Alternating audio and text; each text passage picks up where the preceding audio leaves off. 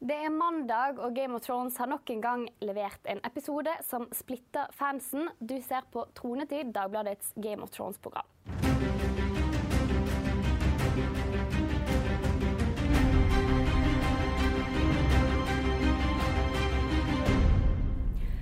For den observante seer så kan dere se et nytt ansikt her i dag. Eh, vikar for Inga Merete er sjef på Litteraturhuset, Susanne Kalutza. Og du er ikke bare sjef på Litteraturhuset, du er veldig glad i Game of Thrones. Ja, det er veldig veldig bra bøker, og også bra serie, vil jeg si. Du har lest alt det å lese? Jeg har lest eh, alle bøkene og alle novellene og den lille sånn Targaryen Companion eh, som eh, kom ut eh, her i år. Det virker veldig lovende nå når vi skal gå igjennom hele eh, episode fire, The Last of the Starks, eh, i denne åttende sesongen. Eh, og hvis du har lyst til å bli med i diskusjonen, så må du melde deg inn i Facebook-gruppen vår, Tronetid Dagbladets Game of Thrones-program. Det anbefaler vi deg å gjøre. Det har i hvert fall over 1000 andre gjort. Og da må vi først bare spørre Likte vi episoden? Hvem skal jeg spørre først? Jeg kan spørre deg først, Susanne. Altså, jeg likte episoden veldig godt. Eh, jeg syns den brakte oss litt eh, fremover. The plot thickened. Eh, og i motsetning til forrige episode så var det mulig å se hva som foregikk. Så lysmesterne hadde endelig fått liksom cranket opp litt bedre lightning på, på showet. Det, var jo, det var jo noen ting som var litt sånn pute-TV, hvor jeg lå i sofaen og bare nei! Eh, og så var det noen ting som var litt smertefullt. Uh, flere ting, uh, faktisk. Uh, og så og så ser vi jo at nå går det mot slutten. Nå er det bare to episoder igjen. Så nå, nå, nå, begynner, nå begynner, det å bli liksom krevende for våre helter, da. Ja, det endgame er på en måte, for å bruke dårlig norsk ord. det er nærmer seg. Eh, Marie, hva syns du? Nei, jeg likte den episoden ganske godt. Jeg syns, eh, at nå er vi på vei til å bevege oss litt mer sånn tilbake der som Game of Thrones var i utgangspunktet. da. Med, med maktkamper, med eh, skiftende lojalitet, med litt sånn eh, tvetydige scener og, og hjerteskjærende dødsfall, ikke minst. Eh, det var kanskje ikke i denne episoden heller de aller største karakterene som forsvant, men det var jo, det var jo Altså, Regal er en ganske stor karakter. han er, han er stor, men, men han, er ikke, han er jo ikke hovedpersonen. hovedperson. Nei, ikke. viktig er Ja, viktig er han. Det var, det var vondt. Eh, Kanskje aller mest, eh, ikke aller mest med han, men med Miss, Miss Sander. Da hun forsvant. Og så, og så var det, selv om, selv om det kanskje ikke var så overraskende at hun skulle forsvinne, men vi hadde jo kanskje gjetta mer på Grey Worm, at han skulle gå før henne, og så, var det, så skulle han bare få det fælt isteden. Det var det som var overraskelsen. Altså, at det var, han overlevde nok en episode. Eh, Go Mens- Grey Worm. Men så var det jo, eh, av de store karakterene, da, så var det jo en som var veldig nær ved å forsvinne veldig mange ganger, eh, og likevel overlevde hva det skulle være, så det ut som. Altså Tyrion. Eh, han holdt jo på eh, Han kunne ha dødd da Bronn dukka opp. Han uh, holdt på å dø da båten, skipet, ble angrepet av Euron.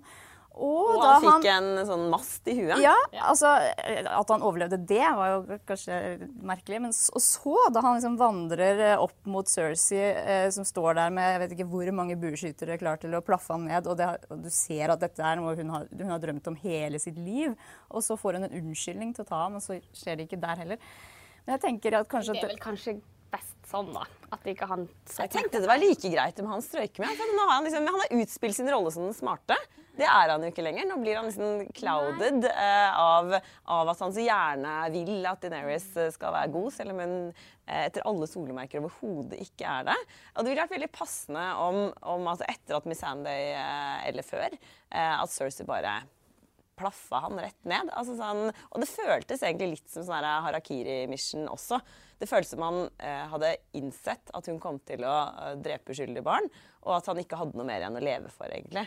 Og det snakket han også om med Jamie, at, eh, at nei, nå er det veldig lenge siden han hadde hatt sex. Det var liksom, altså, Livet hans er helt, helt annerledes. Når han mistet liksom, den siste kjernen han trodde på Jeg syns egentlig Tyrion var kunne dødd der og da. Ja, det var i hvert fall en ganske tydelig eh, frampek om at eh, han lever ganske farlig nå. Det gjør han. Men er det ikke veldig out of character for Cersei å ikke drepe han også? Altså, hun sier altså, hun hadde lyst til å kverke han siden, han- siden, han, hun, eh, siden han drepte moren hennes eh, ved, ved fødsel. Eh, og så har, han- har han i tillegg liksom drept pappaen hennes. Eh, det var han som sendte bort Marcella. Altså, selv om hun vet, hun vet jo at han ikke drepte Joffrey, det tror jeg ikke hun tror i det hele tatt.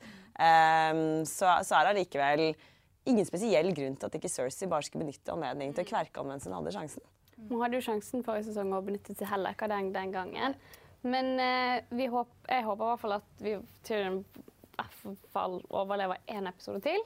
Uh, ja, altså Tyrion har lenge vært min favorittkarakter. Uh, han er jo kanskje den som jeg lenge har håpet at skulle ende opp til, altså Hvis noen skulle ende opp på jerntronen, at det kanskje kunne bli han. Eller at han skulle velge bort tronen og skape demokrati i Westeros. et eller annet sånt. Men så har han jo han har jo forsvunnet mer og mer bort fra det som har vært Tyrion helt til å begynne med. Altså, uh, det har kommet en og annen vittig one-liner her og der, men han er jo ikke den Eh, den smarte fyren som han var i utgangspunktet. Der, der, er det andre som har kommet inn.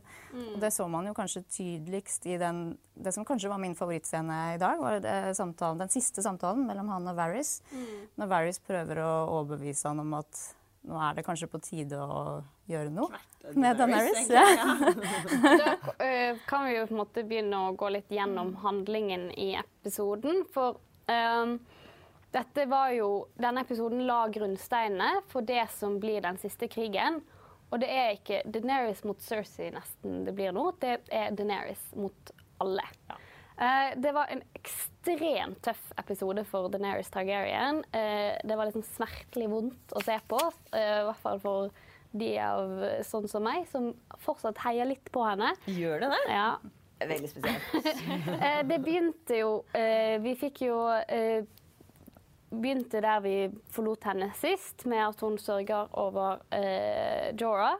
Eh, og så begynner det liksom egentlig ganske greit med at hun eh, legitimerer Gendry og får litt sånn applaus for det. Det var både smart og både for, for han som lojal, men også vise at hun er hun er liksom en, en god, liksom har et godt hjerte da, på en måte, og villig til å belønne de som har jobba for henne. Hun måtte liksom fremheve seg selv i, en, i enhver setning. Så hun kunne ikke gjøre det bare være raus. Hun måtte si sånn Fordi jeg har gjort deg til uh, ridder. Mm. Ja, så, så, ser du jo hvordan uh, Tyrion og Sansa var det vel som, som, veksler blikk i den scenen. At begge to skjønner jo at dette er jo ikke noe hun gjør for å være snill. Ja. Er jo, hun er jo allerede, ja, allerede på, den, på denne festen hvor de feirer seieren, så er hun vei mot, med, på vei til å bygge allianser.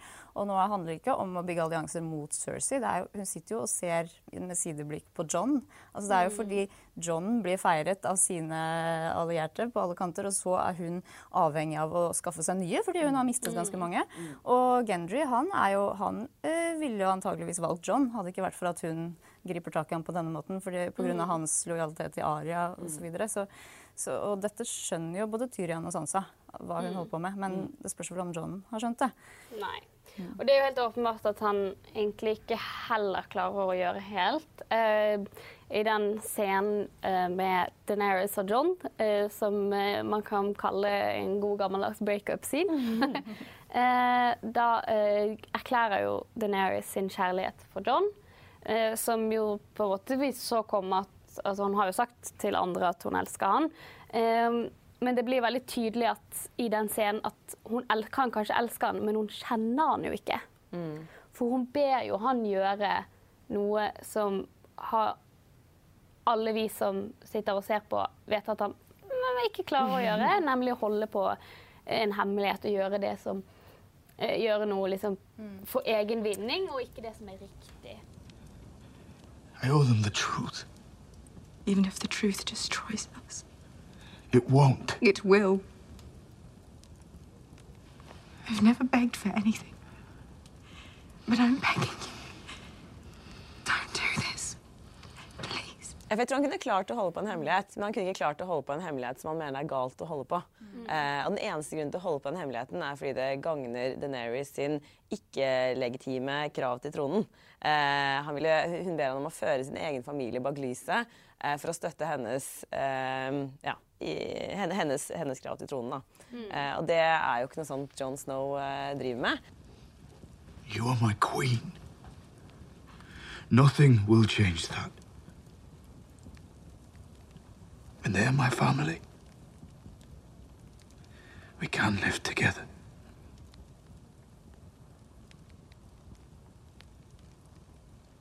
We can.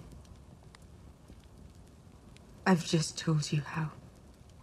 Jon Snow er jo, altså, han er jo en som, som virkelig kan uh, Han er jo lojal, og han, er jo, og han elsker jo Daenerys, men det som han virkelig er drevet av, det er jo den pliktfølelsen, eller mm. ønsket om å gjøre det som er riktig i enhver situasjon. Ikke det som er best for seg selv, men det som, det, som, ja, det som han føler at han må gjøre. Og akkurat nå, så, her så føler han jo at det riktige er å fortelle søsknene sine om denne hemmeligheten, og Derfor så gjør han det, selv om han også innser at hvis han skulle ha levd et lykkelig liv eh, alle sine dager med Daenerys, så burde han jo bare holde kjeft. Men det er det, et veldig godt poeng. men det klarer han jo ikke. Det var det samme som han gjorde da han, han valgte jo Nightwatch eh, framfor Grit i sin tid. Mm. Han valgte Nightwatch framfor familien sin, Ja, som er liksom enda sterkere for en som er så familiedrevet som han. Når liksom alle Starks ble slaktet ned, Ned Stark var blitt halshugget, han dras mellom det og ris av gårde, så, så velger han jo å returnere. Eh, på grunn av den lojaliteten han har mot Night's Watch, at han har avgitt et løfte.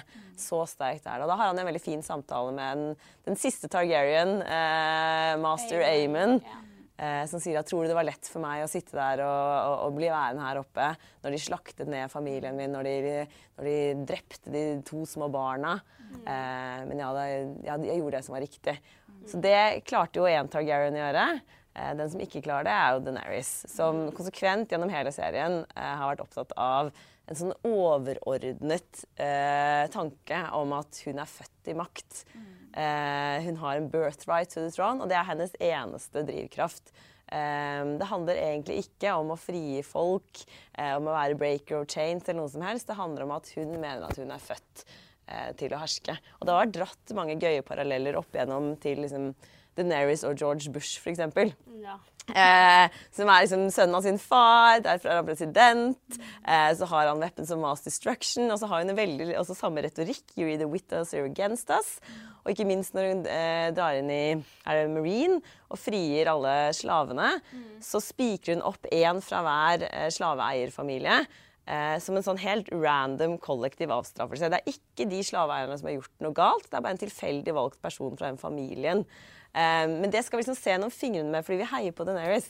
For hun er en sterk kvinne. Vi har sett henne bli liksom, eh, giftet bort som barn og eh, voldtatt eh, og brukt som en sånn eh, hestehandel. Eh, så derfor så, så derfor så dveler vi ikke noe med det og tror fortsatt at hun er god. Det har hun aldri vært. Ikke gjennom Altså, ja, ikke siden en eller annen gang, en eller annen gang i løpet av ekteskapet til eh, Carl. eh, Det var jo der det skjedde et eller annet. Og det viser hun jo også til i denne episoden her, når hun snakker om eh, hvem Sansa er med John. At ja. hun er ikke lenger den, Den samme- den samme som du vokste opp med. Ikke Ja. etter alt hun, har opp, alt hun har sett og alt de har gjort mot henne. Her føler jeg jo hun snakker jo om seg selv. Ja. Og, hun har jo, som- sa, og det sa hun jo også til Sansa i episode to, at sånn, vi har jo veldig mye til felles. Eh, og det er jo en av de tingene der.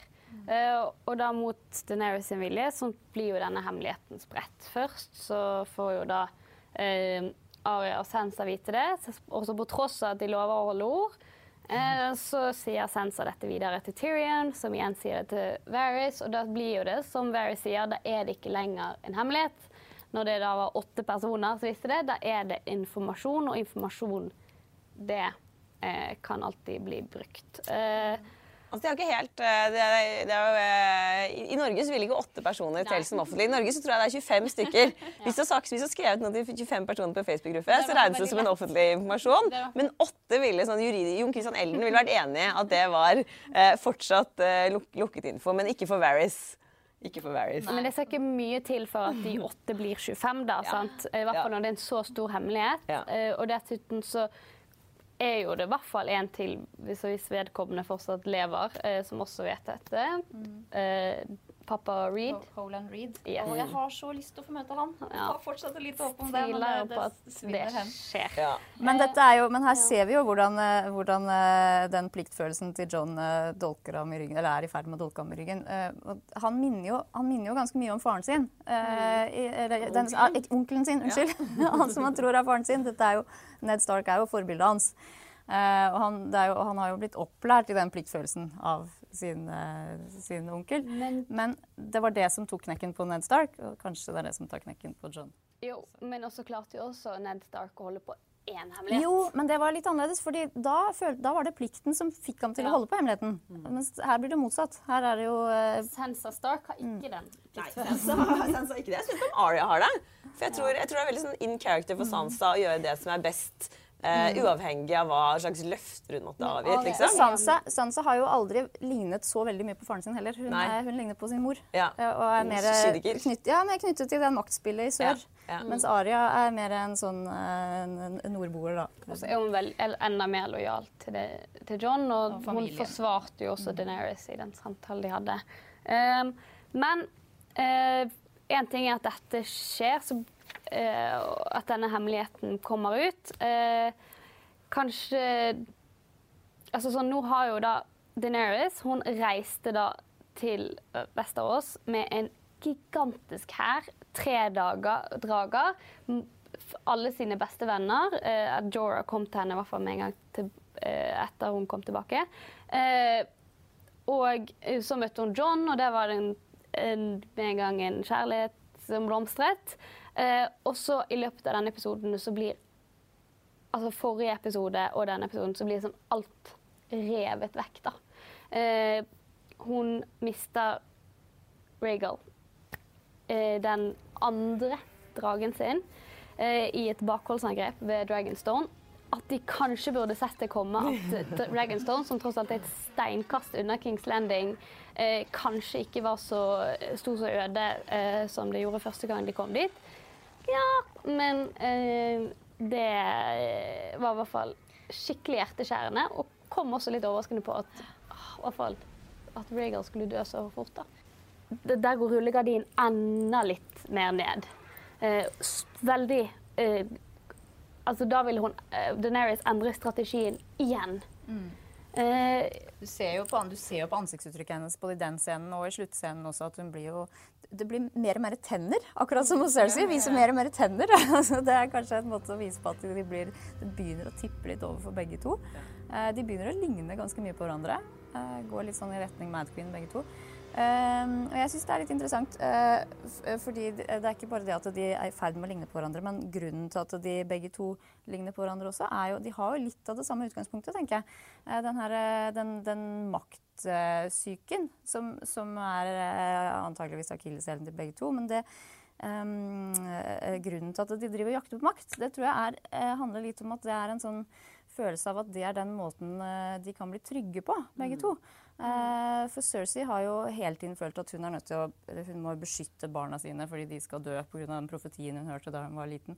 Og måten hun har gjort det på, er jo hele tiden bare å prøve å komme seg høyere og høyere opp på toppen. Altså, hun tenker ikke på at det blåser på toppene, men hun vil være øverst, for da kan de være tryggest. Og det har jo slått feil ut. Men litt på samme måten tenker jeg også det er med Daenerys. Da, at jo mer makt hun får, jo tryggere er hun. For hun, har jo, hun er jo en skadet sjel i utgangspunktet. Ja, sant? Men Det er veldig interessant, for de har veldig parallelle historier. Begge er blitt tvangsgiftet bort til noen de ikke var keen på i utgangspunktet, eh, som altfor unge. Mm. eh, hun- godeste Cersei ville jo egentlig gifte seg med kronprinsen, Targaryen-kronprinsen, eh, men, eh, men han, eh, han avfeide henne og valgte jo heller Lena Stark, og så ble hun stuck med eh, Baratheon, som hun jo ikke elsket i det hele tatt. Um, og, og Daenerys ble, ble giftet bort til Carl Drogo. Selv om det endte, endte med kjærlighet, så begynte det jo med voldtekt av en sånn Hvor gammel var hun da? Tolv, eller noe sånt? Da? Uh, og så er det jo begge trebarns uh, Eller altså, de har begge har mistet tre barn. Uh, Cersei har mistet uh, Joffrey, Tommen og Marcella, mens Daenerys har mistet denne rotteungen eh, med skjellelignende hud eh, inni magen. Og nå har hun mistet to drager i tillegg. Og for hver unge som dør, så blir de to eh, kaldere og kaldere Og eh, begge, har, og begge har én igjen som de må beskytte for Ja. enhver pris. Ja.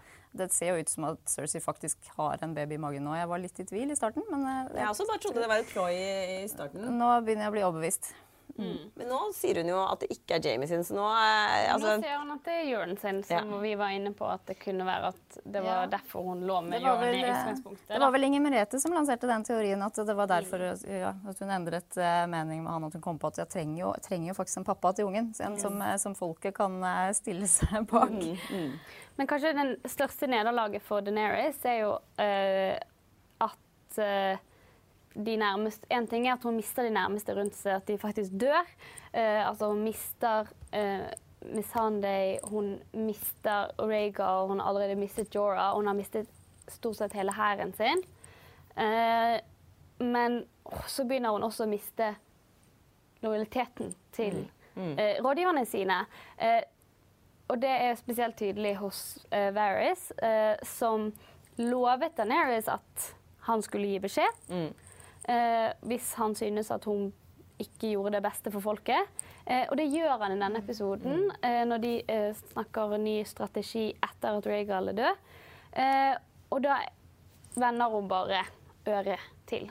Eh, og da tar eh, Varys og Tyrion og har en samtale i, tro i tronerommet i Dragonstone som eh, gir veldig sånn déjà vu til den samtalen Varys hadde med Littlefinger i tronerommet i Kings Landing i sesong En? én-to. Ja. Ja, jeg tror, ja, det var i hvert fall veldig mye sånne samtaler. i Ja. Veldig mye sånne samtaler. Eh, og eh, hvor de, i hvert fall Varys, begynner å mm, Egentlig sier ganske tydelig at hvis han kunne valgt, så ville han eh, Knerta knettet Daenerys, og så støttet John Ja. istedenfor. Fordi han har et bedre et sterk, og sterkere eh, claim, og at han kanskje er den bedre hersker, som han også sier rett ut. Han vil ikke herske, jo, men kanskje nettopp derfor han er en god hersker. He doesn't want the throne. That's why he bent the knee. Have you considered the best ruler might be someone who doesn't want to rule? We're discussing treason. Don't pretend you haven't thought about it. Of course, I've thought about it. Thoughts aren't treason. Eh, og så, og så sier, sier han, og så når Varys begynner å argumentere mot han ja, men hun, hun ønsker jo å gjøre verden til et bedre sted. Men det er jo det tyranner har forsvart seg med alltid. altså Til og med Hitler eh, ønsket å gjøre verden til et bedre sted og hadde en forestilling om at han var Tysklands eh, reddende engel. Ikke sant? Han, han fikk folk i jobb igjen, han bygde autobanen. Eh, han, han skulle redde Tysklands ære etter nederlaget det var påført, og, og lage Lebensraum. Eh, og det er litt der Daenerys er nå også, altså. Ja, Tyrion virker mer og mer liksom, blindet av, eh, av uh, utstrålingen hennes, på et vis. Jeg, jeg, jeg, tror jo, jeg tror jo litt på at han er, han er litt betatt der nå. Han er ikke bare at han tror at hun, er en, at hun skal gjøre verden til et bedre sted, men han også rett og slett har falt litt for henne. Jeg tenker at det også kanskje lå, lå litt bak eh, noe av det som Sansa sa til han i forrige episode, da de snakket om at vi, kanskje vi skulle forblitt gift, og så sa hun at nei, din skiftende lojalitet hadde blitt et problem. Og så tenker jeg at han, det var et sånn lite hint om at hun har skjønt at det også handler litt om følelser, da. Ehm, så at kanskje det er en liten årsak til at han ikke klarer å se uh, hva som er problemet nå. Men jeg syns det er veldig spennende med Varys, for han uh, har vært en litt sånn utydelig uh, figur for meg eh, i det siste. Ja, eh, men i starten, så, de første sesongene, så syns jeg han var veldig kul, fordi det var litt vanskelig å vite helt Man fikk ikke helt tak på hva det egentlig var han ville. Var han snill, var han slem? Altså, det, han er jo en sånn klassisk Emma Thrones-figur. Nå sier han jo rett ut at han kjemper for folket. Eh, Det har han jo sagt før, Ja. sant? men hva innebærer det nå? Nå er det helt åpenbart at jo, det innebærer at når vi da kjemper for å få en tyrann til eh, tronen, så vil ikke jeg være med på det likevel. Eh, En og det- tyrann som foreslår å slakte ned masse uskyldige sivile. Men vi vet ikke helt hva han altså, Han fikk jo ikke noe gehør, fra Tyrian, så han skjønner jo at han må gjøre noe annet, antageligvis. Ja. Spennende å se om han blir værende der, Ja. eller om han, Han- han setter seg på hesteryggen og Eller, eller han er jo svømmer, ikke- siden det går en sånn teori på at han er en merman. Og at det er grunnen til at han går i kjortel, og at man aldri ser underlivet hans, er at han faktisk Han er en havnet jo da mest havmann. sannsynlig da i vannet. Han havnet jo i vannet nå, da. Ja, ikke sant? Ja. Ja, vi så jo han, vi så han kravle seg opp igjen. Det var ikke noe, det var ikke noe hold der. Men han er, jo ikke en, han er jo ikke en sånn loner. Han er jo en renkespiller. Han har jo har han fortsatt et sånn nett av små fugler eh, der som han kan bruke. Det, det blir veldig spennende å se. Eh, og det som er eh, den siste, det siste tapet i denne, før vi beveger oss litt videre fra Daenerys, i denne rekken av tap, er uh, Miss Sunday, uh, som var hennes beste venninne og en av de første følgesvennene hun fikk uh, på reisen til å bli den hun er i dag. Og der er det noe som jeg har lyst til å bare ta opp, og der ser du at enda, rullegardinen går enda mer ned, som vi snakket om i sted. men Cersei gir Missandei muligheten til å si sin siste, et siste ord. Eller sist, ja, det siste hun skal si før hun dør. Og da sier hun Dracaris.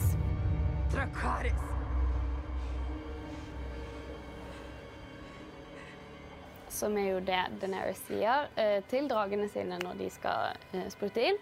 Eh, og hvis vi spoler noen sesonger tilbake igjen, så har jo også et av de rådene Missandei har gitt til Daenerys, er jo nettopp det å ikke alltid høre på rådgiverne sine. Og for å være helt ærlig, så har faktisk Missandei et poeng. For hvem er det som i bunn og grunn har sørget for at eh, Daenerys nå må stå utenfor med ti mann og liksom eh, bli litt sånn der eh, beggar queen igjen, da? Eh, det er jo Tyrion. For hadde Daenerys gjort, fikk det, altså, fått det som hun ville, så hadde jo hun brent ned The Red Keep i episode to, sesong syv. Eh, og der hadde jo ikke da hele Kings Landing vært samlet på det tidspunktet heller. Det hadde vært kanskje ja, maks 20-50 casualties, da. Nei, det hadde nok vært litt mer. litt mer. Ja, ja, ja. Det det Men- nok, ja. Men det er liksom sånn det hun, altså, for, Er dere enige med meg at Dracaris betyr litt sånn gjør greien din? Det betyr 'burn them all'. Liksom. Det er jo det det betyr. Ja, I bunn og grunn så er det det kan hende det ligger noe mer bak der òg. Men når det gjelder den, eh, den, den teorien din, så tenker jeg også at dette er jo nok et eksempel på at det å gjøre det rette ikke alltid er det som får det til å gå veien for deg i Game of Thrones. Eh, fordi Tyrion vil jo ikke at eh, hun, noen skal brenne ned noen som helst i byen, fordi han vil ikke ha noen casualties, og det sier han også veldig tydelig i denne episoden her. Men det er jo kanskje hvis, altså hvis Daenerys ville skulle komme seg raskest mulig på tronen, så kunne hun jo gjøre nettopp det. Bare ta livet av masse sivile. Eh, men det er det han har stoppet henne i, og det er jo kanskje det også sånn som gjør at hun er litt mer utsatt. Eh, Men hva i alle dager var det Tyrion forsøkte seg på med den rare talen til Cersei? Akkurat som det på noe som helst vis ville gjøre henne mindre blodtørstig og minne henne på at tre av barna hennes var døde, og at hun trengte, nå trengte å gjøre alt hun kunne for å beskytte det fjerde hun hadde i magen. Altså, det, det, det ville jo ikke på Jeg var, jeg var nesten sikker på at han gjorde det der. han for vet, for å han vet jo hva som er Det er jo hennes akilleshæl. Det er jo barna hennes. Så Ja, ja, det men var jo ved, et å minne, ved å minne henne på det, så, så så hvis du kjenner Cersei, så hardner jo det henne bare enda mer. Det er bare sånn Nå skal jeg i hvert fall drepe dere alle mann, liksom. Det var jo en sånn siste desper, desperasjon fra han, Jeg skulle tenker tro han kunne vært litt sluere, eller liksom spilt i følelsene hennes på en bedre måte enn noe som gjør henne enda mer uh, hatefull. Da. Det er jo en påminner om at han er en- var med å drepe Marcella og sende henne til folk som, som ville myrde henne. Men jeg håpet jo et lite øyeblikk der at, at uh, Euron skulle hoppe inn bak der og si bare Hva, vet han at du er uh, gravid? Men uh, hvordan kan han vite det? Da? Ja, men det ser ikke ut som han skjønte det, dessverre. Jeg trodde faktisk Cersei kom til å drepe Missandei litt mer sånn Game of Thrones i. Jeg føler at en sånn vanlig halshugging er, er liksom litt tafatt. Da. Når du tenker på hvordan hun har drept fiendene sine tidligere, så har hun jo lenket fast mor og datter i hver sin ende. Kysset henne med gift, og så latt mor se på henne eh, Se på datteren sin død og råtne vekk, liksom. Men, den scenen, men akkurat den scenen det var jo, en, det var jo en, en gjentagelse av en scene som vi har fått høre masse om eh, fra en historisk scene. Om hvordan eh, The Mad King tok livet av eh, faren og broren til Ned Stark. Og det er jo, eh, dette er jo en serie som er veldig glad i, i ekkoer, eller gjentagelser. Og, og det var jo litt sånn som jeg så på denne scenen også, at det var jo en gjentagelse av halshuggingen av Ned Stark. Fordi hun som hun eh, halshugget, var eh, en eh, bare god person. mm. Som bare ville gjøre det beste for folket og for dronningen sin. Og ekstremt lojal mot dronningen sin. Eh, akkurat som Ned Stark var veldig lojal mot sin konge, og også gjennomført god. og Det var derfor det var så sjokkerende at han ble drept. Så på samme måten så utrolig hjerteskjærende at Missandei ble halshugget. Og for de som ikke husker, så var altså måten eh, storebror Stark og pappa Stark ble drept på, var altså da at faren ble eh, vel lenket fast og grillet sakte roterende på et spyd som en grillkylling, mens sønnen var lenket akkurat så langt unna at Han, han, noe, han, ja, han var lenket med noe rundt halsen sånn Sånn at han, ja, med et sverd i hånda. Og han fikk beskjed om at hvis du klarer å eh, Stoppe komme deg fram, ja, så, skal, så redder du dere begge. Men Ja. han var jo akkurat så langt unna at for å få til det, så ble han bare kvalm. kva- han ble kveler seg selv. Ja, ja. Så, ja. Jeg vet ikke om det går an rent fysisk å kvele seg selv på den måten, men det gjorde i hvert fall det. her. jeg trodde i hvert fall at jeg trodde Missandei kom til å bli liksom bindt fast og så skutt inn mot eh, liksom den solid. eh, altså at vi ville få liksom maltraktert liket hennes litt mer. Uh, men, uh, det hadde det jo kanskje vært mer i stil med David Nutter, da, som er regissøren på denne episoden. Han er, jo, han er jo kjent for The Red Wedding-episoden. Og også den uh, scenen som jeg syns kanskje er det aller mest brutale drapsscenen i serien. Altså, nemlig, Det er spennende, hva er det? det er det, altså, da lille prinsesse Shireen ble brent på bålet. det var helt Det- ja, han er jo han, Skrikene hennes. ja, Ja. Så dette er en regissør som er kjent for forferdelig hjerteskjærende drapsscener. Sånn sett så var jeg kanskje litt overrasket over, for dette var hans siste episode. Han har jo regissert mange, veldig mange episoder opp igjennom. Og at han ikke skulle gå ut med et litt sånn større bang enn Ja, dette her. Du har et godt poeng det med de parallelle drapsscenene. For at eh, de dør, dør på den måten. Og, det, og, det, og nå er det jo flere gravide og potensielt gravide i serien. Eh, og sånn hun, kona til Rob Stark ble drept. Eh, hun var jo tidlig gravid og ble stukket gjennom magen med kniv.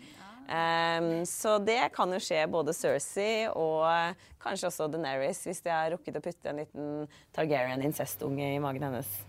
Ja, det håper vi jo nesten. Um, Eller en Baratheon Starkid i mange tiåra, men det tror jeg er litt mindre sannsynlig. Nei, da, nei, det, Det hadde vært helt off. Hun er jo Ja, det hadde 14 eller noe sånt. Hun er 18, hun er 18 har vi fått beskjed om. Det var, de var veldig, altså Serieskaperne var veldig nøye med å påpeke det etter den episoden på i sosiale medier. Hun ser ikke 18 ut. Nei. nei, Macy Williams er jo 21, da. Ja, det hjelper.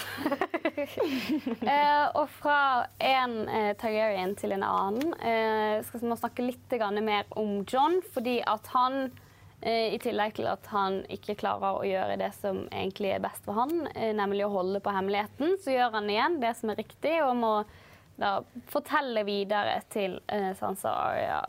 Og som igjen da ikke klarer å holde på en hemmelighet.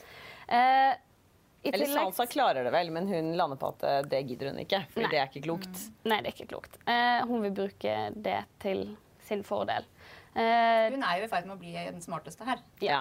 rett og slett. ja, for det er jo helt åpenbart at Sansa heller vil ha John på tronen. Både fordi at da kan hun styre Winterfell, uh, og eh, fordi at hun Det er jo lette Altså, Hun alle er foretrekker jo Jo- John, ikke nødvendigvis bare fordi han er så mild og snill og rettferdig, eh, men også fordi han er den som er lettest å styre. Og det viser jo John veldig tydelig når de står og skal planlegge neste slag, og han bare sånn «Å, 'Vi gjør det du sier, og det går fint', og han har liksom vært ekstremt Med den litt irriterende bedroom-stemmen som han Ja, har lagt på seg Ja. nå i siste. Han I enhver sammenheng. I enhver sammenheng. Men han, han, er jo, han er jo ikke en åpenbar lederskikkelse. Overhodet ikke. Han er den utvalgte fantasyhelten, men han er, ingen, han er ingen konge på noe som helst vis. Det er uh, I nesten enhver sånn kritisk situasjon han har vært i, så kommer det noen inn fra venstre og bare redder ham sånn i siste sekund. Nå, nå Sist så var det Daenerys med dragen. Da, ja, det var helt utrolig Ja. at han overlevde Ja. i den episoden. Altså, jeg holder på å gi opp John fullstendig. For at nå gjør han så mye dumt som ligger så utrolig opp til at han skal dø. Altså sånn, Hvem er det som sender vekk Direwolfen sin? Når har det vært en god idé gjennom historien? Det er kanskje noe av det mest provoserende. Fordi at jeg føler at det gjøres ikke bare fordi at det skal være et frempek på at nå ligger John tynt an, fordi at nå mister han alle de, alle, hele hæren sin. Men også fordi bare sånn Nei, det er billigst å la være. Ja, ja, ja.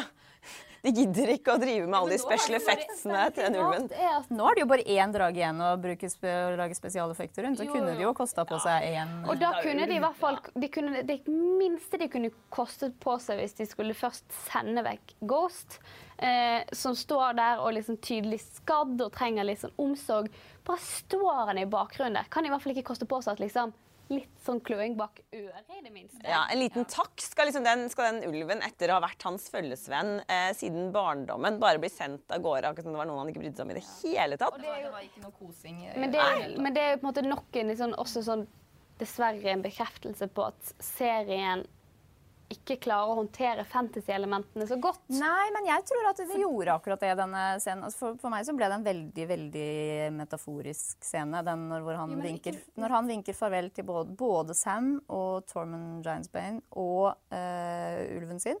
eh, så vinker han jo farvel til alle sine nærmeste altså Han har jo nettopp erklært at Sam er hans beste venn. Eh, og rei, han er, altså, nå er han alene, og han gjør den samme feilen igjen som faren hans gjorde da han dro sørover. Han får også ja, Nei, klarer, klarer ikke å slutte. Klarer ikke å slutte. Farsfiguren hans. Og så dør dragen hans også. Ja, men han har akkurat også nettopp blitt minnet på av Tormund at han er, han er eh, fra nord. Han har nord i seg. Men så drar han sørover med dronningen og, og, og sier farvel til alle støttespillerne sine. Så det lover ikke godt for John. Altså. Altså, jeg syns ikke, ikke det var noe som var lagt opp til gjennom noen sted, verken i bøkene eller i TV-serien, til at de ulvene ikke tri trives i sør. Altså, Det har ikke vært noe sånn klinking for at det er for varmt. Det har ikke vært noe sånn 'nå er pelsen din svett', sønn. Ingenting, liksom. Eh, hvorfor i alle dager skulle han ikke ha Altså om, du- om du glemmer at det er en ulv da, og tenker bare at det er en hund, hvem er det som sender vekk hunden sin etter ti år? Og så er de jo så tett knytta til Stark-søsknene. er Og hver gang noen av Stark-søsknene har liksom sagt at nei, vi trenger ikke å ha med meg den ulven, jeg, den Ja. kan stå her ute, så har det jo gått skikkelig galt. Da har det gått til helvete. Men det, altså det eneste som må skje nå, er jo da at Nymeria Numeria er jo nødt til å dukke opp. Nymeria Numeria er nå den siste direwolfen som vi har. Arya rir sørover. Vi vet at Numeria er sjef for en svær wolfpack eh, rundt Riverlands-området. Eh, så her eh, blir jeg utrolig skuffet eh, hvis ikke det kommer en eh, reunion med de to eh, mest blodtørstige eh, morderne i, i showet. Sterke kvinnene. Ja. Sterke, selvstendige kvinner, i hvert fall. Eh, ja. Eh, en annen karakter som eh, Altså sånn Det er jo helt sånn det er ingen som skal på en måte ha det bra i denne serien. Eh, og det har vi virkelig fått bekreftet denne episoden. Eh, og spesielt tydelig er det kanskje med Jamie, som også kjemper med sine indre demoner. Eh, det begynner med litt drikkelek, som også er sånn tilbake Altså viser tilbake igjen til at eh, da Jay eh, Nei, det var Tyrion. som satt med Shay og Og eh, hadde drikkelek mm. i sesong én. Som også kanskje er litt frampekt til at Bronn dukker opp Mm. eh, litt senere i episoden. Som ender opp med at eh, Jamie og Brienne ligger sammen. Ja, det hadde vi jo ikke trodd. Nei, den så jeg ikke komme i det hele tatt, faktisk. Eh, var dette et av de pute-TV-øyeblikkene du Ja, altså Dere så meg, og jeg satt og så dette her i, i Dagbladet-studio eh, mens, eh, mens dere så meg. Og da gjemte jeg meg bak verdens største teppe. Jeg syns det var så kleint. Og jeg ble også litt sur på liksom, karakterenes vegne. Eh, fordi at eh, jeg syns ikke Jeg syns Brianne og Jamie har vært en sånn fin bekreftelse på at, at gutter og jenter er venner. Trenger ikke alltid bety sex. Men så måtte det det her også. Jeg synes det hadde vært gøyere for så vidt om hvis, Brienne først skulle hatt sex, at hun hadde hatt skikkelig hot lesbesex, kanskje. Eh, med Daenerys eller hvem enn. I don't know. Eh, eller så kunne hun bare ja, ligget med en eller annen random. Men at, at liksom, de som har hatt et så sterkt forhold så lenge, at det liksom uunngåelig måtte bikke over i puling som vi var i en sånn annen tenårings-romcom. Det var egentlig det jeg, litt, jeg følte først. Så sitter du og har sånn herre 'jeg har aldri drikkelek'. Så sitter Tormod og sipper ned i ølen sin som en annen liksom dumpa tenåring. Eh, Det var litt morsomt da. Han forble jo ikke, han forble jo ikke dumpa så veldig. Altså, han fant seg jo noe ny. og så blir det puling, og så sitter liksom Jamie og Tyrion etterpå og skal snakke om detaljer ved underlivet til eh, Brienne.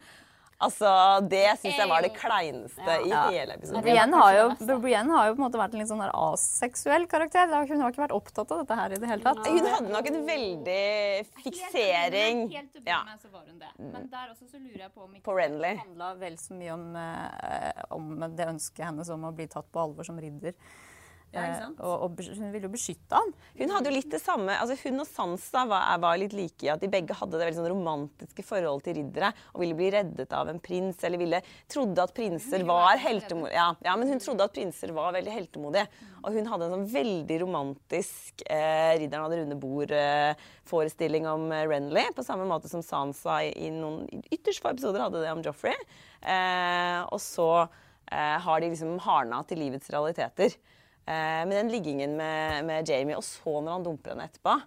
Ja, det syns jeg var det, eh, det jo, eh, Vi kan på en måte komme over liggingen. og jeg tenker Hvis, hvis eh, Brienne først skulle ligge med noen, så var jo det med Jamie. Det, altså sånn, Ja, det var ikke ble sånn, det ble ikke med Tormund. En random hadde vært utrolig ukarakteristisk. Og kanskje hele denne greien her. Men igjen, da. Det var sånn Det kunne vært Podrick. det kunne, altså, Men det er litt sånn mor-sønn-forhold. Det også ville vært nei, litt nei, cringe. Vi Altså. snakker om at incest er galt, liksom. Så i hvert fall det er bare for å få lov å ta opp den der lille tingen som skjedde i bakgrunnen av Bri- Brienne og Jamie igjen, da Podrick fikk med seg ikke bare én, men to damer på soverommet. Han, han fikk Det- jo pengene tilbake i Kings Ja, Landing. det er ikke første gang han har eh, hatt eh, med seg flere. Han kan få ha seg litt av trekant etter å ha overlevd White eh, Walkers. Altså, det, det skal han få. Men da er jo det, kommer vi jo til helt på slutten av episoden, så jo, jo, det er jo ikke så lenger hyggelig. eh, For Jamie velger jo først å bli igjen i Winterfell. Eh, overlever jo også, som vi nevnte, dette sammenstøtet med Bronn, eh, hvor Bronn blir lovet High Garden, og så er vel det eh, ja, to be continued på et eller annet tidspunkt. Um, Men Det var også, men det var også en scene jeg likte godt. Altså, Ja. For det var, en, det det, var det var en av flere sånne scener i denne episoden som var litt, eh, som var litt sånn uh, ugne, rett og slett. Man ble, man ble sittende litt sånn ytterst på stolen og lure på hva skjer egentlig nå. Skal han faktisk skyte en av dem, eller begge to? Og når han drar derfra også, så er det fortsatt ikke helt klart hva som kommer til å skje. Men det er spennende. Med Ambrøsten som, eh, som Tyrion drepte sin egen far med. Eh, på dass, ja. Ehm, nei, det var eh, men, men, men, men hvordan kom han seg dit? Det er jo veldig mye forflytning nå. Vi skal ikke bruke mye tid på det, men det er mye forflytning nå som er ulogisk. Hvordan klarer Bronn å liste seg helt innpå de eh, uten at noen oppdager det? Komme seg helt til Winterfell? Det så ut som de, de så det ganske tydelig, tydelig på det bildet rett før sånn klippebildet rett før Ja. de satt og snakket at det var ikke inne i selve Winterfell. Det var i Wintertown, da, som Ja. er den Ja, landsbyen på utsiden av porten. I hvert fall sånn jeg så det. Det kan være Ja. feil, men det så ut som de var på en eller annen sånn lite hotellpub. hotell Ja, eh.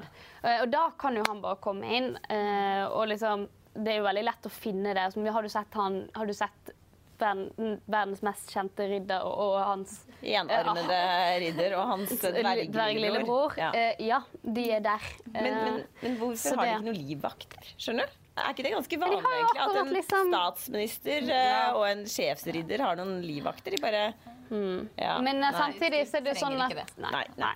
Men, men da er jo det eh, Du som du sier, det var en veldig eh, fin eh, scene der. Men det er noen er en scene som Men kan vi bare få snakke litt ja. mer om den scenen? For jeg har jo først, tidligere sagt at jeg håpet at Bron ikke skulle gjøre det valget å, å, å, å gå imot Cersei og støtte sine tidligere kompiser. Fordi det hadde vært så deilig hvis det var én karakter som ikke, som ikke gikk fra å være kynisk til å bli snill og grei. Og, og, og dermed så hadde det vært litt, kanskje litt fint om han faktisk hadde tatt imot pengene fra Cersei.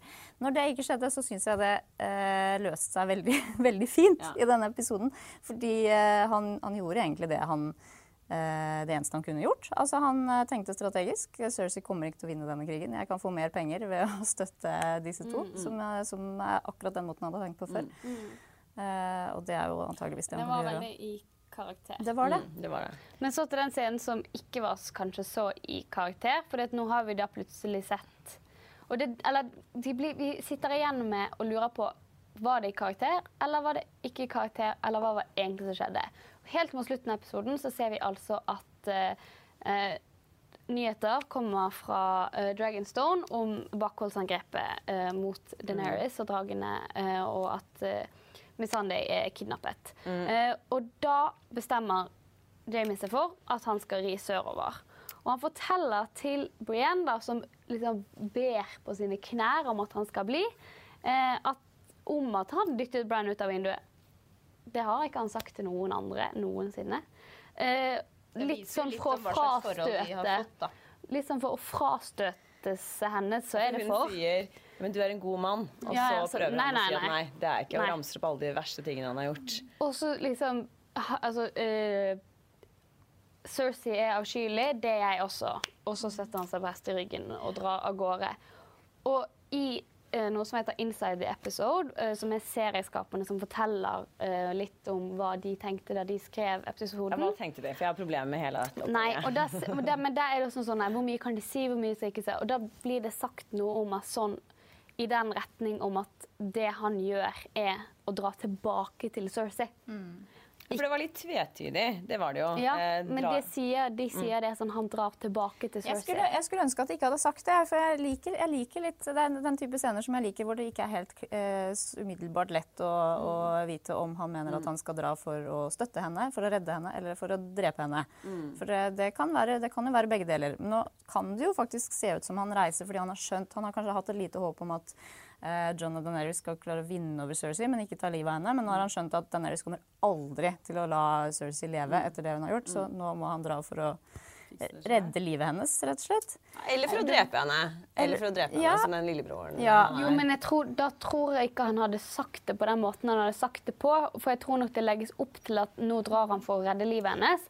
Men at han blir værende hos Cersei, er det jo ekstremt lite eh, som det er veldig, hele det opplegget der er veldig rart. For nå har vi liksom bygd opp til over 18 sesonger at Jamie går vekk fra å være den liksom incestuøse eh, kynikeren som er forelsket i Cersei, eh, til en liksom bedre mann som er mer og mer på lag med Brienne.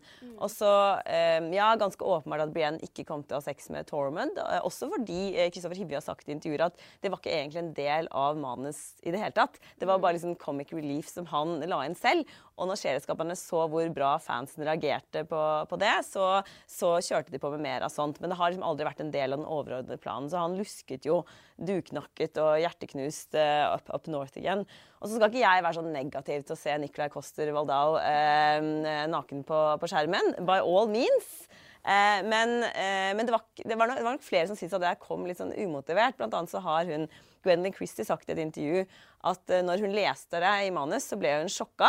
Og så fikk hun sånn latter-emoji fra Nicolai Coster Waldau. Eh, og så sendte hun eh, kast-opp-emoji eh, tilbake igjen til han. Men, men det er i hvert fall den måte, utviklingen den karakteren Jamie har hatt.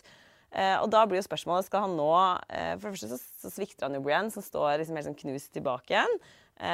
Og så skal han nå gå og stille seg på Cerseys lag igjen. Eh, det er veldig, veldig pussig. Jeg, jeg, jeg syns egentlig ikke det er det. Altså, det er pussig i en sånn eh, en kontekst hvor du tenker at han, er en sånn, at- han har en sånn klassisk eh, karakterbue, ja. karakterark, hvor han skal gå fra å være slem til å bli liksom gradvis snillere og snillere i møte med noen, en person som da blir en som endrer eh, ham og gjør at han forstår hva som er viktig her Ja. i livet og sånn. Men nå, har, nå ser vi jo at han er jo på en måte også litt styrt av sin egen skjebne. Altså, han kommer seg ikke bort fra det som er utgangspunktet, og det er kanskje litt mer realistisk, egentlig. Altså, hans Han- skjebne er å drepe Cersei. det, det, kan, det, kan, det begynner å se mer og mer ut som Ja, at det er det. Jeg har heia litt på at det kanskje skulle være Tyrion, nettopp fordi ironien i at det er det Cersei har trodd hele tiden, og så tenker vi at det ikke er det, at hun misforstår, men kanskje det likevel er det. Nå tror jeg det er Jamie. Men jeg tror at det blir en Det er jo en Altså, Deres historie er så tragisk. Den er så umulig. Den, den, den, kjærligheten deres og alt det at de begge to de både elsker og hater hverandre i en sånn rar miks av følelser som kommer veldig tydelig til uttrykk i den scenen her. Altså, han syns jo hun er forferdelig, men han, hun er tvillingsøsteren hans, og han elsker henne. Han klarer ikke å holde seg borte. Selv om han nok også elsker Brienne, eh, sånn som Men det det er kom ikke til uttrykk den samme liksom Ikke den samme altoppslukende, brennende altså, det, det viser han jo når han ramser opp alt han har gjort for Cersei opp igjennom. Det er jo på en måte også å vise at uh, han har jo ikke gjort det samme for Brienne, Nei. dessverre. Nei, Det er, blir veldig spennende å se. og for, Om han nå drar til Kings Landing med håp om å redde Cersei, så tror nok vi alle sammen at han fort skjønner at for den beste måten å redde Cersei på, er å redde Cersei fra seg selv. Kanskje. Eh, jeg Tror vi han stikker henne i magen i eh, tronrommet som en sånn, eh, Mm, Det hadde vært eh, sånn kopi av eh, tror på den gale kongen? Jeg tror vi fikk et ganske tydelig hint om hva som kommer til å skje også i episoden her. Altså, det ligger jo i den profetien som Cersei fikk også, at hun, skal, hun har jo fått høre hvordan hun skal bli drept. Det skal være lillebroren skal, ja, hun skal ja. bli kvalt Med hendene til lillebroren sin. Og Jamie Har jo bare én hånd! Ja, men han minner henne på at han har jo kvalt noen før. Ja. Altså fetteren sin for å komme seg fri fra fangenskap ja. til, eh, til Rob og. Catelyn Stark da han skulle tilbake til Cersei. Og så drepte han fetteren sin, og det er jo en av de tingene som har plaget ham bestandig. Mm. Men som også viser at han, hva slags monster han er. Da. Han føler seg som et monster pga. alle de tingene han har gjort, og han kommer seg ikke bort fra det. Og da er det jo en viss ironi i det at det også den monsterbiten i ham skal være det som gjør at han til slutt tar livet av søsteren sin. Da. Så nå heier jeg litt på den teorien igjen. jeg. Det er bra. Eh, en annen eh, karakter vi ser som eh, gjør en liten helomvending, men samtidig ikke det heller, for det er jo i hennes natur. Men forrige ukes store helt, Arya Stark, blir hyllet i Winterfell, men er liksom ikke så supergira på å være med på den hyllesten selv. Hun vil helst da skyte pil og bue, eh, som hun svarer til Gendry når han kommer og oppsøker henne. Ja, det er det jeg gjør. Jeg feirer eh, det med, liksom, med å ja, skyte pil og bue. Eh, og da, i kanskje nok et litt sånn på grensen til pute-TV-øyeblikk, så blir da eh, Aria fridd til av den nylig legitimerte nå Gendry Brathion. Folk var veldig opptatt av å gå ned på kne foran damer i denne episoden. Ja, det, det var det eneste frieriet, men det var mange som gikk ned på kne. Be my wife. Be the lady of Storm's End. Hun, han blir jo selvfølgelig avvist. Det skulle jo bare mangle. eh, For eh, han ber jo henne om å være en lady, og Aria er jo ikke en lady. Det var jo nesten det første hun sa i første episode. Mm. You'll be a wonderful lord. And any lady would be lucky to have you. But I'm not a lady. I never have been. That's not me. Han sier, ja, han sier sånn 'That's not me'. Det er sånn ekko. Det er akkurat så at eh, til Ned han snakket om at ja, med en gang så skal du vokse opp og bli gifte deg med en lord og st få, Få få hans familie og styre hele slottet. Og det er det han Gendry ber Aria om å gjøre nå. Ja. Så sier han sånn I'm not a lady. Sånn. Det er 'That's not me', om han sier akkurat det nå. Det husker jeg ikke. Men hun sa i hvert fall det i sesong én.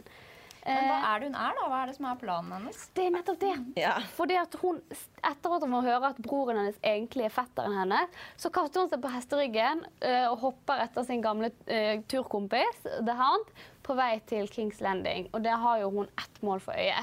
Eh, helt åpenbart. Den siste på eh, drapslisten eh, hennes. Nei, det er ikke den siste. To, Det er to igjen. De to siste. Og Cersei. Yes.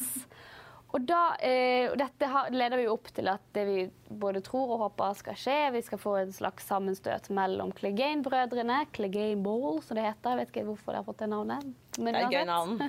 um, og at kanskje Aria kan bruke hennes helt åpenbart eksepsjonelle kunstner, kunstner til å gjøre slutt på Cersei på et eller annet vis også.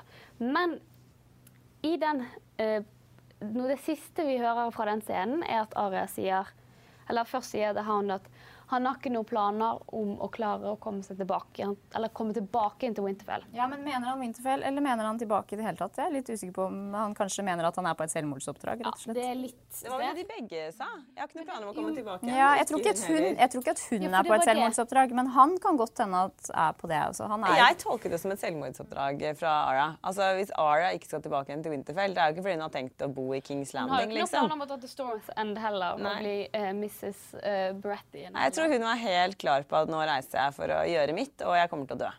Tror du det? Nei, jeg håper ikke det. Nei. Jeg syns det var veldig trist. Jeg håper hun har en annen plan. Ja, men jeg, har- jeg har ikke tenkt å komme tilbake igjen. Hvorfor i alle dager skulle ikke hun komme tilbake igjen til Winterfell? nei det, er- det virker litt Det er jo det er bare døden som kan hindre henne fra, fra det. Da hun har to søsken, sine to søsken på Winterfell. Det er det som er, har vært hennes sted.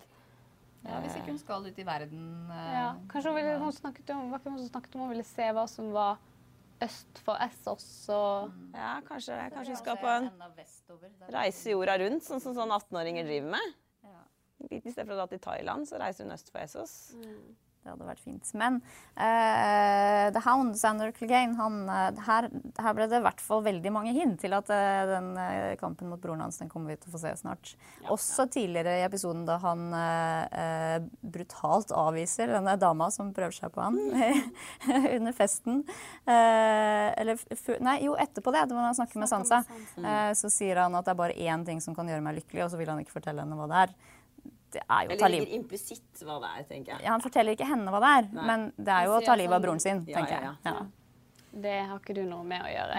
Altså, ja. Men så, det var litt sånn eh, umotivert uh, samtale der også, hvor, hvor, hvor, eh, hvor Sansa sier at Eller han sier ja, hvis, hvis du hadde kommet med meg fra Kings Landing, så ville ingenting hatt skjedd deg. Du ville ikke blitt voldtatt så brutalt. Ja, han ville jo redde henne. Og så sier hun ja, men da hadde jeg ikke blitt den jeg er. Det syns jeg kanskje var litt eh, det jeg var å male med litt for breie pensler. Ja, jo Si rett ut at det var helt greit at jeg blei voldtatt, for det gjorde meg sterk. Det er sånn en fryktelig klisjé som jeg håpet at, at serien skulle styre unna. Ikke, jeg tror nok ikke, kanskje ikke voldtekten, men liksom at eh, bekjentskapet med Littlefinger og ekteskapet med Ramsay har gjort henne til den sterke kvinnen hun er i dag. Det er jo det å mene til.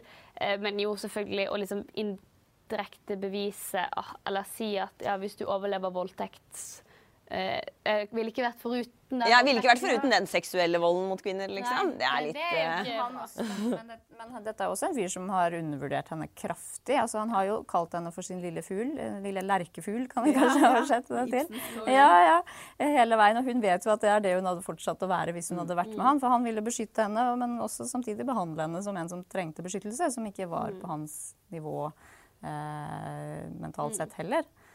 Og hun har jo vist at hun er mye mer enn det folk trodde at hun var i utgangspunktet. Det blir gøy å følge Sansa videre. Det blir det. Eh, vi ser også at eh, eh, Tormund han drar nordover med hele Wildling-gjengen.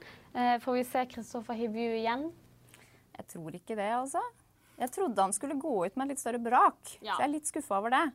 Nå tror jeg at han Det kan jo være at vi, hvis det blir en sånn her oppsummeringsepisode på en måte på slutten, at vi får se han da på en måte bygge opp muren igjen, eller hva de holder på med. Ja. Det er um- umulig å spå. Men det er jo også litt interessant at han bare tar med seg hele gjengen sin nordover eh, etter å ha eneste kriger de ja, ja, at, ja, men, ja, men han, nå, jobb, nå var jo ikke hans sak var jo ikke Daenerys sin. Eh, det var jo John. Og John har jo nå, er nå ferdig med det han skulle gjøre, og reise med Daenerys, men det har jo ikke Tormund lovet å gjøre. Nei, deres sak var jo å, å forsvare The Free Folk eh, mot eh, The Nights Og de er jo fortsatt the free folk. Altså, han, har jo, han har jo ikke eh, bøyd kneet sitt for Daenerys, så han kan gjøre hva han vil. Men jeg syns det er litt morsomt at de faktisk velger å dra nordover igjen, når de har kjempet i så fryktelig mange år for å komme forbi den muren og komme seg sørover. Og så bare Nei, her var det ikke noe morsomt. Nå drar vi opp igjen. Damene liker Og- meg ikke her. Nei. Men det er midt på vinteren. Altså, de har jo ikke noen forsyninger. Altså, hva skal de beinharde. Ja, vi får stole på det, at de klarer seg likevel. Det er jo sikkert masse tomme lagre oppe.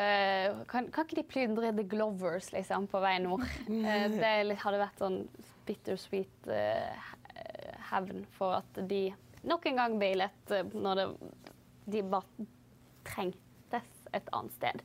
Uh, før vi går til uh, skal se litt på hva som kan skje videre i neste episode, um, uh, så ble det faktisk gjort en ganske sånn tydelig glipp i denne episoden.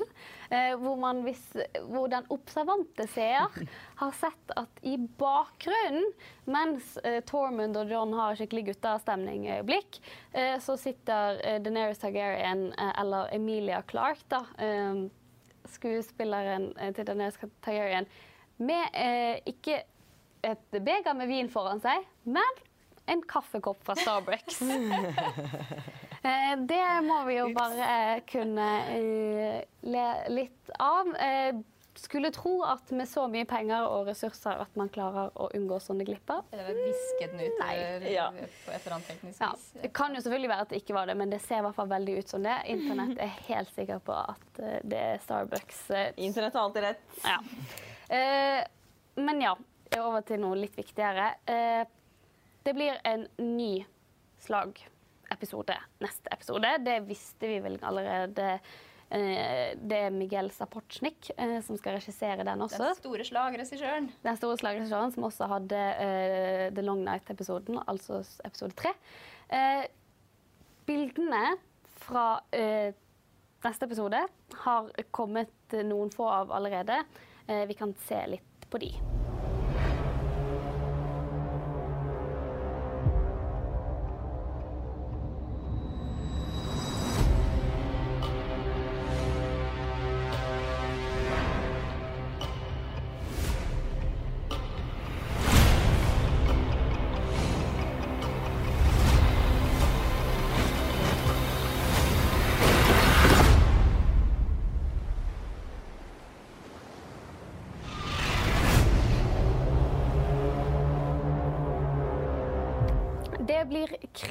Utenfor eller og i eh, Kings Landing. Det ser ut som at dette nye settet som Miguel Sapochnik eh, snakket om i et intervju med Entertainment Weekly, er denne nye Altså denne borgen, eh, eller muren rundt Kings Landing, som vi også så i denne episoden. Det var litt skuffende, var ikke det helt Det det, vi håpet? det var veldig skuffende. Ja. Og det er så mange steder jeg skulle ønske vi kunne komme innom før denne serien kunne ta slutt. Men det blir mye Kings Landing. Vi ser uh, eh, veldig få glimt i denne eh, traileren, som overrasker litt lettende. At ikke vi skjønner helt eh, hva som skal skje, annet enn det helt åpenbare. Eh, og så ser det ut som at kanskje Euron Greyjoe blir dragemat, og det hadde jo vært fint. Det hadde vært veldig tilfredsstillende. Ehm, men eh, ja, som vi sa innledningsvis, vi har lagt grunnsteinen for ikke bare Daenerys mot Cersei, men Daenerys mot egentlig alle. Ja, det, vi, det vi vet, er jo at det blir blodbad i neste episode. Emilia Clark har uttalt at dette kommer til å bli større enn noensinne. Og det sier ikke så rent lite i Game of Thrones-sammenheng. Varys eh, lusker rundt og har lyst til å drepe henne. Eh, Tyrion er nok enda mer tvilende nå. Selv er hun ute etter blod. Eh, jeg gleder meg helt enormt. Hvorfor er det syv dager igjen? Mm. Det er, vi, kan vi, som vi snakket om sist eh, Plutselig var det tre episoder og vi visste ikke helt hva som skulle skje. Eh, jeg er ganske sikker på at dette blir punktum finale for Cersei Lennestad på et eller annet vis. Det er veldig mange som kan komme til å altså, Vi sa jo det om eh, det Ja. forrige slaget episoden Ja. at det er mange som kom, kommer til å dø. Men når det ikke skjedde da, så tror jeg kanskje at uh, nå, nå er det på tide. nå er det mange som kommer til å forsvinne. Eh, jeg tror og håper at vi får se Clegane Bowl. Uh, jeg tror ikke at begge brødrene Jeg tror ikke at noen av brødrene kommer levende ut av den hendelsen. Um, og så tror jeg Jeg er ikke sikker på om Cersei er nødt til å forsvinne før i aller aller siste episode. Fordi hun nå har bygd seg opp til å bli den store gigantiske armbryster. Ja, men, altså, hun har bygd seg opp til å bli den store uh, skurken, eller er det Daenerys? Det kan jo hende at Cersei dør i denne episoden, og så er det Daenerys eller, som er store problemet i den siste. Men jeg vet ikke, jeg er ikke sikker på om Cersei dør i neste episode. Eller. Ja, Nei, Det kan hende at hun forsvinner, og så skal vi avslutte med liksom, det siste store sammenstøtet mellom Daenerys og John. Battle of Fire and Ice. Ja, ikke, ja, ikke sant? For det er jo rett og slett det det handler om. Uh, det, det, det er jo en, det, er noen uh, teorier som går på at, uh, at hele den, den historien er jo veldig inspirert av norrøn mytologi. Eh, og der har du eh, Og kanskje av Ragnarok, ikke minst. Og der har du jo Fenrisulven og Midgardsormen, og- som John og Daenerys, og begge to dør jo i Ragnarok. Men kanskje det er et lite Ja, vi vet jo altså Av alle eh, sånn frempek-bilder vi har sett, så har det meste gått i oppfyllelse, minus to bilder. Eh, som eh, Ett bilde som både Bran og Daenerys har sett i forskjellige sånn syner. Eh, og ett hvor det bare Ben har sett. Og det ene Ben bare har sett, er drager som flyr over Kings Landing. Det får vi jo garantert se i neste episode. Men vi får ikke det, for det er bare én drage Eller igjen. én drage. Vi ser, men det er faktisk sant, vi ser bare én drage. mindre liksom disse Vi ser skyggen av en drage over uh, uh, Kings Landing. Mm. Uh, og så ser vi tronerommet i ruiner. Ja. Jeg har, jo, det, jeg har jo hele tiden heiet på en avslutning eh, eh, om at ingen kommer til å ende opp på den tronen. Ja, Breaking the wheel. Ja. Og, og vi må huske at den tronen også er jo en sånn eh, er jo en conqueror's throne. Den er jo smidd av alle sverdene til de som underkastet seg eh, den første Targaryen-erobreren. Ehm, så det er ikke noen sånn spesifikk grunn til at man skal akseptere den tronen eh, heller. Eh, men hva som skjer, er jo helt i det blå. Blir det demokrati? Eh, blir det Sansa? Blir det Tyrion? Eh, jeg tror mindre og mindre at John overlever. Eh, George R. R. Martin er jo veldig glad på å kaste rundt på klisjeer og overraske oss. Så Nei, det blir eh, i hvert fall Hva skulle du si? Nei, jeg, jeg er enig. Jeg, jeg, jeg syns kanskje at det, det, det høres sannsynlig ut at verken John eller Daenerys kommer levende ut av dette. her. Fordi de begge to er den der utvalgte fantasyhelten. Og, og, men dette er ikke en sånn type serie hvor de heltene overlever. Jeg, jeg har begynt å heie, tenke litt på om kanskje eh, Jeg har veldig lyst til at Tyrion skal ta livet av noen til slutt. Om det ikke blir Cersei, kanskje det blir den andre Mad Queen. Altså at de to brødrene får stoppe hver sin av de gale dronningene. Eh, at Tyrion kanskje til slutt innser at dette går ikke lenger. kanskje det er Varys som skal styre. Den ene som har liksom the realms, goodness uh... Ja, kanskje han innfører demokrati. Jeg heia litt på Tyrion i den retningen. Han har jo snakket om dette før. At han kanskje ønsker seg en sånn styringsform. Kanskje de to slår seg sammen og finner på et eller annet som kan funke bedre. Ja. Det er jo veldig lett for å havne i klisjeer, dessverre, i et sånt univers som dette. Men la oss håpe det ikke blir for mange av de, i hvert fall. Ja, jeg kan så håpe det ikke går sånn som i Sopranos, så skjermen bare går i svart, og det er det, liksom.